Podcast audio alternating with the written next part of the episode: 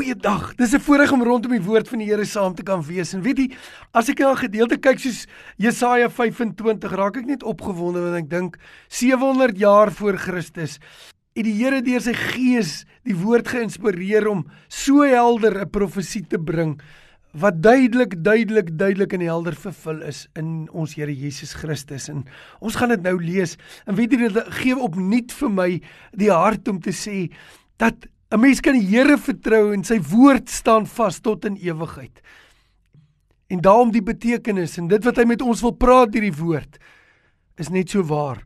En die Here wil met u praat vandag en kos vra vir hom Vader ek bid dat u deur die Heilige Gees die woord sal lewend maak in hierdie oomblik en as ons net die profeseë kyk Here dan dan eer ek u dat dit dat dit waar is en dat dit vervul is en dat dit ook volëindig sal word en ons dankie daarvoor. Seën ons elkeen, Here, en praat met ons harte vandag in Jesus se naam. Amen.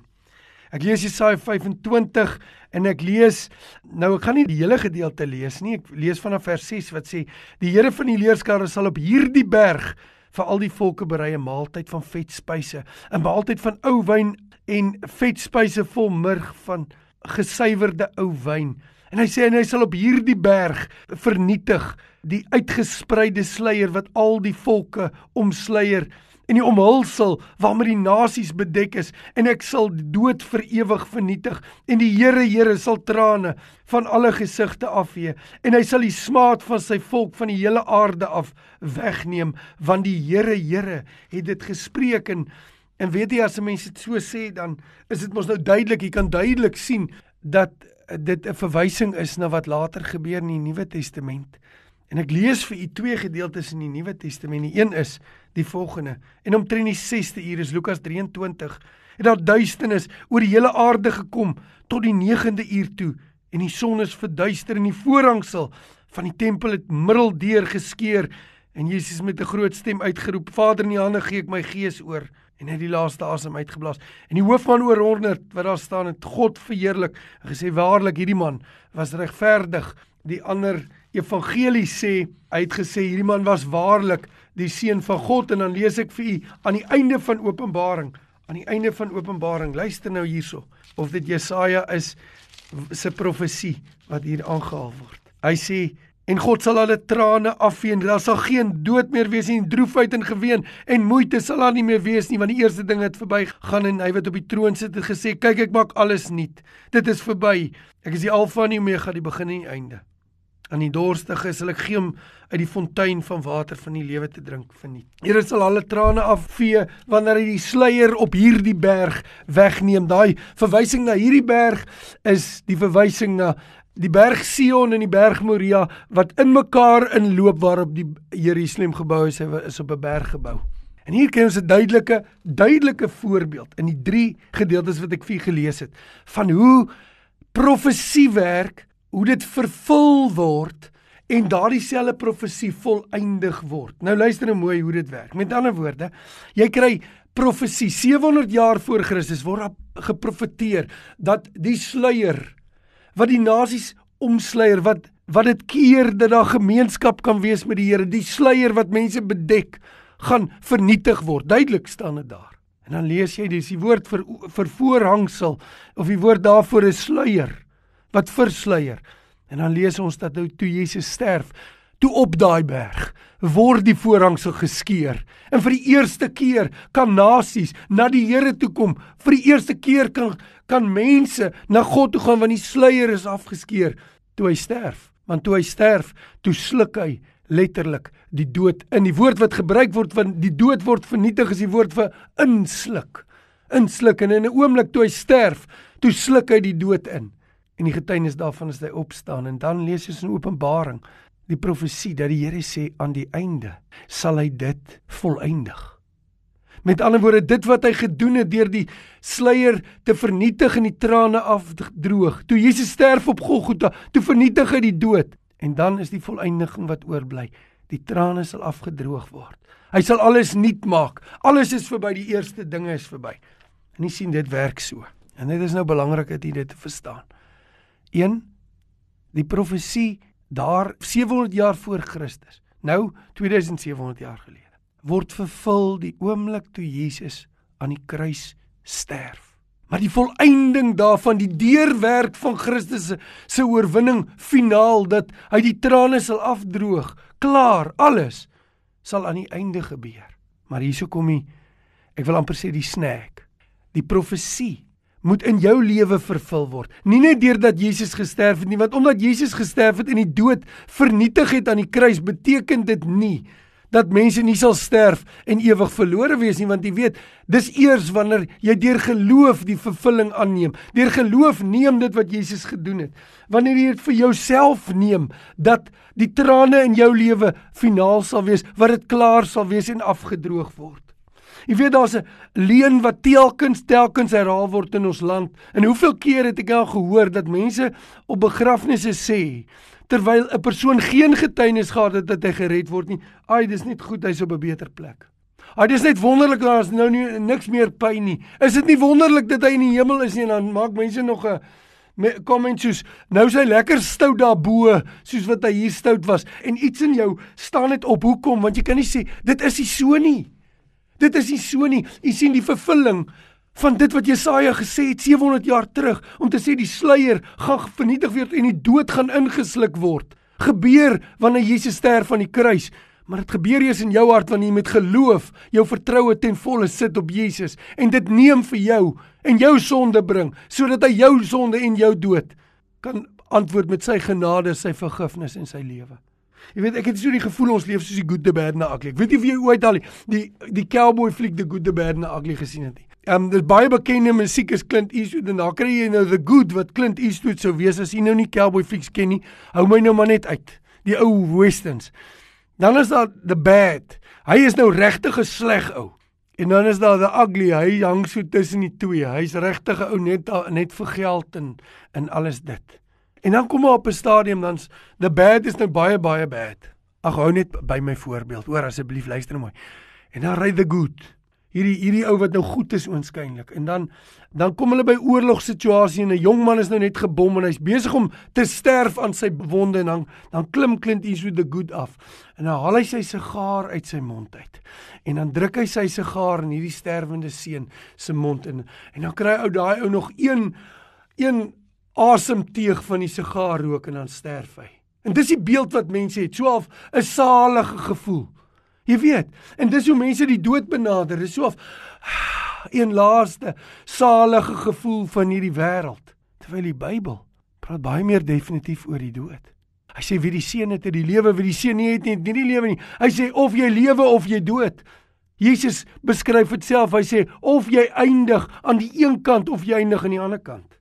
En weet jy, ek ek, ek kry die gevoel ons maak asof Jesus so half iemand is wat so half nie omgee hoe dinge gaan en hoe omgee wat mense doen nie. Om God is liefde en hy gaan almal red. Maar jy sien die waarheid van die woord is die volgende. En dit waaroor die ou verbond gegaan het. Luister nou vir 'n oomblik, want ek wil kom by wat ek glo die Here wil gee vir hoop vir u vandag. Jy weet die Bybel sê God is heilig. God is absoluut volmaak en geen mens kan in die heilige teenwoordigheid van God ingaan nie. Hoekom nie?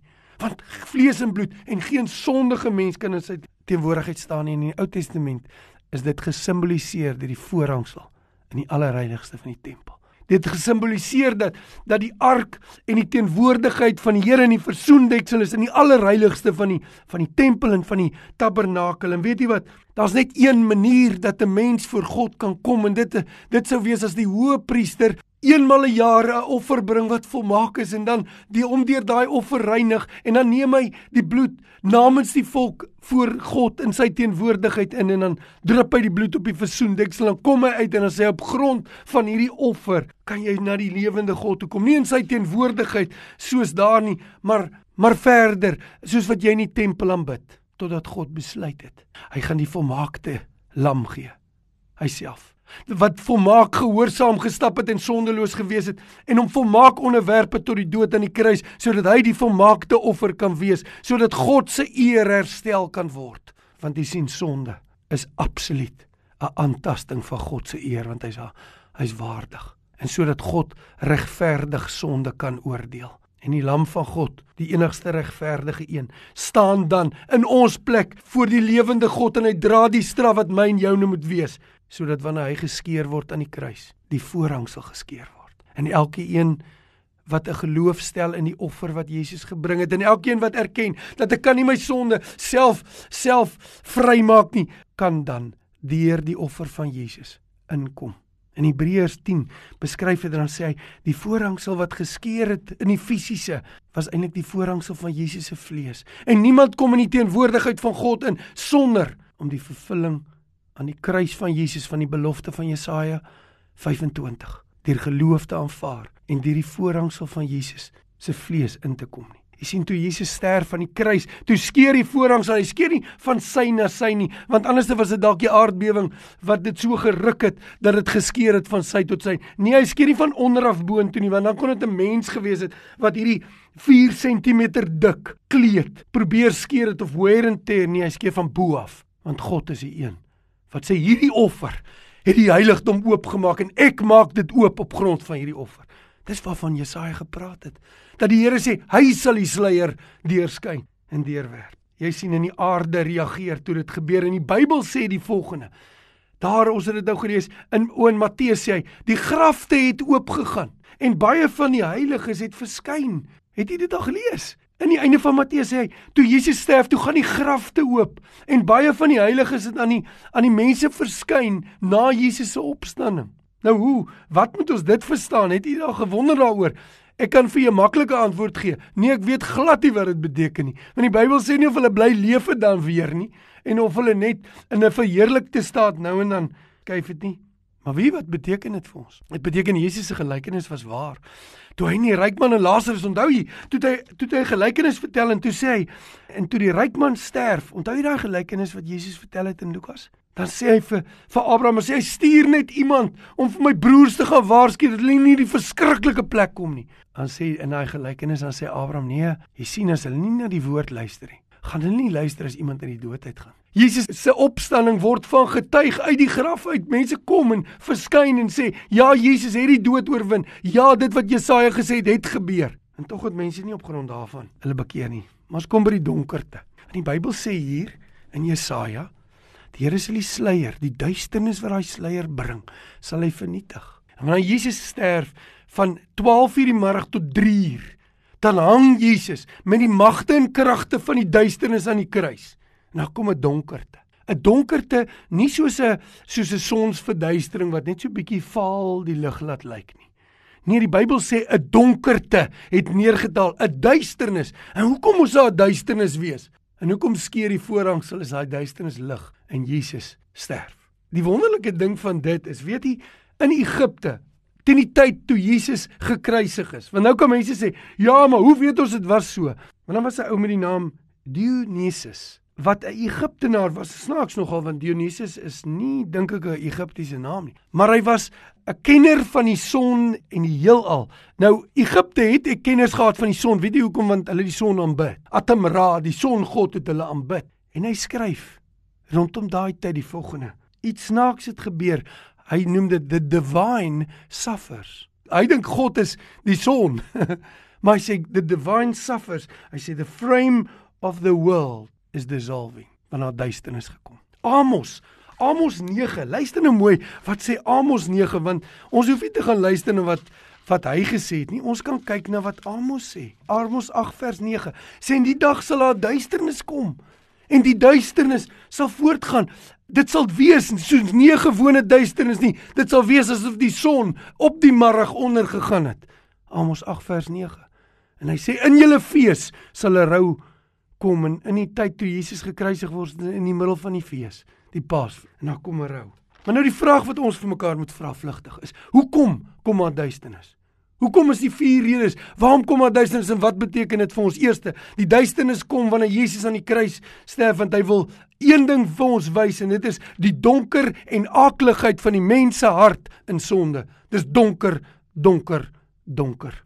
Die Bybel sê almal het gesondig en daar's nie heerlikheid in enige mens nie. En dis hoekom die donker kom, want toe Jesus aan die kruis hang, toe draai die duisternis in duisende duisende duisende harte van mense. Die duisternis getuig van die donkerheid en die aakligheid van sonde in die hart van die mens.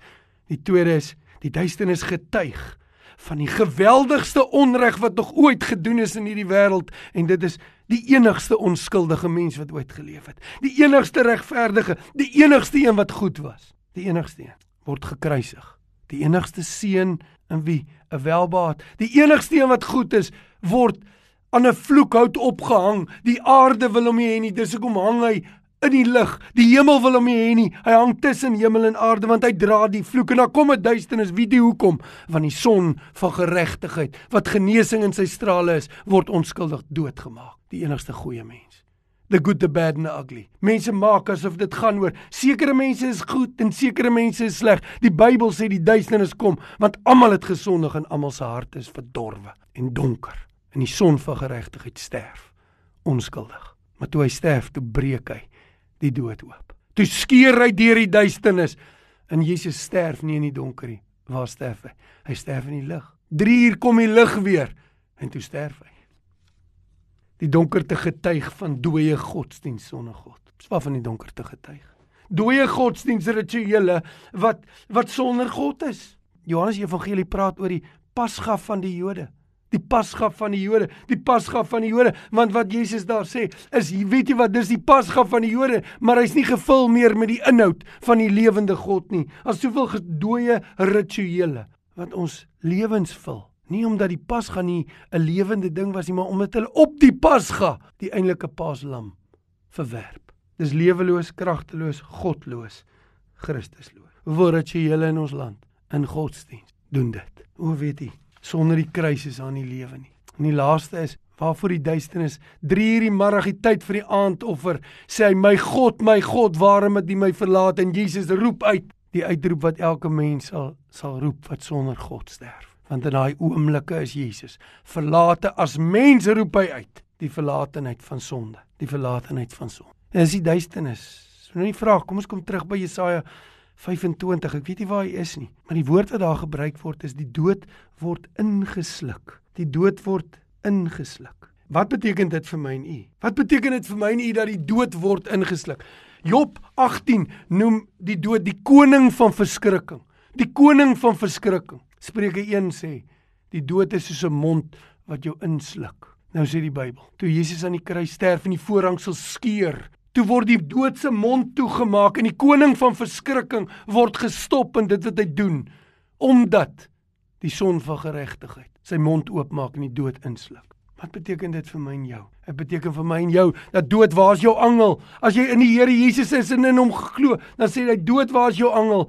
In die gif van die angel van die dood, die skerpioen het sy gif verloor. Wat beteken dit vir my en jou?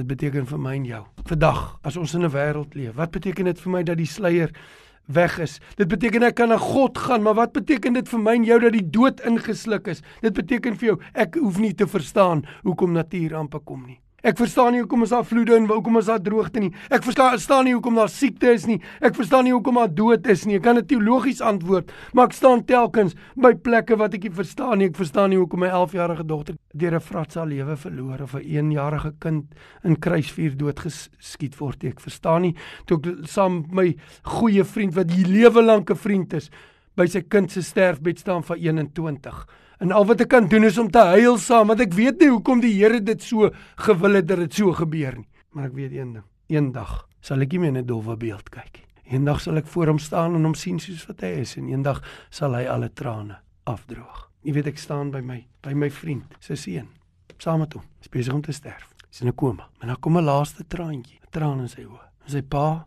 vee die traan van sy oë af. En ek dink aan die woord. Wat sê die Here sê omdat die voorhang so geskeur is en die dood ingesluk is. En omdat dis die profesie wat vervul is in Jesus. En omdat hy die dood oorwin het, sal hy alle trane afvee. En toe hy daai seun se traan afvee, toe is dit die laaste traan wat hy ooit sal stort. Hoekom? Want sy lewe was in die Here se hand. En elke kind van die Here as hy hoor die Here droog alle trane af, weet, daar kom vir my hier 'n laaste traan. Daar kom 'n laaste traan in 'n wêreld. En ons staan daar en ons huil by sy by sy bed, saam as broers, gekom na die Here toe met trane. Maar ek weet daar kom 'n dag van 'n laaste traan. Die waarheid is, die laaste traan kom. Eendag sal daar nie meer siek wees nie. Eendag sal daar nie meer oorloof wees nie. Eendag sal daar nie meer lyding en seer wees en swaar en siekte.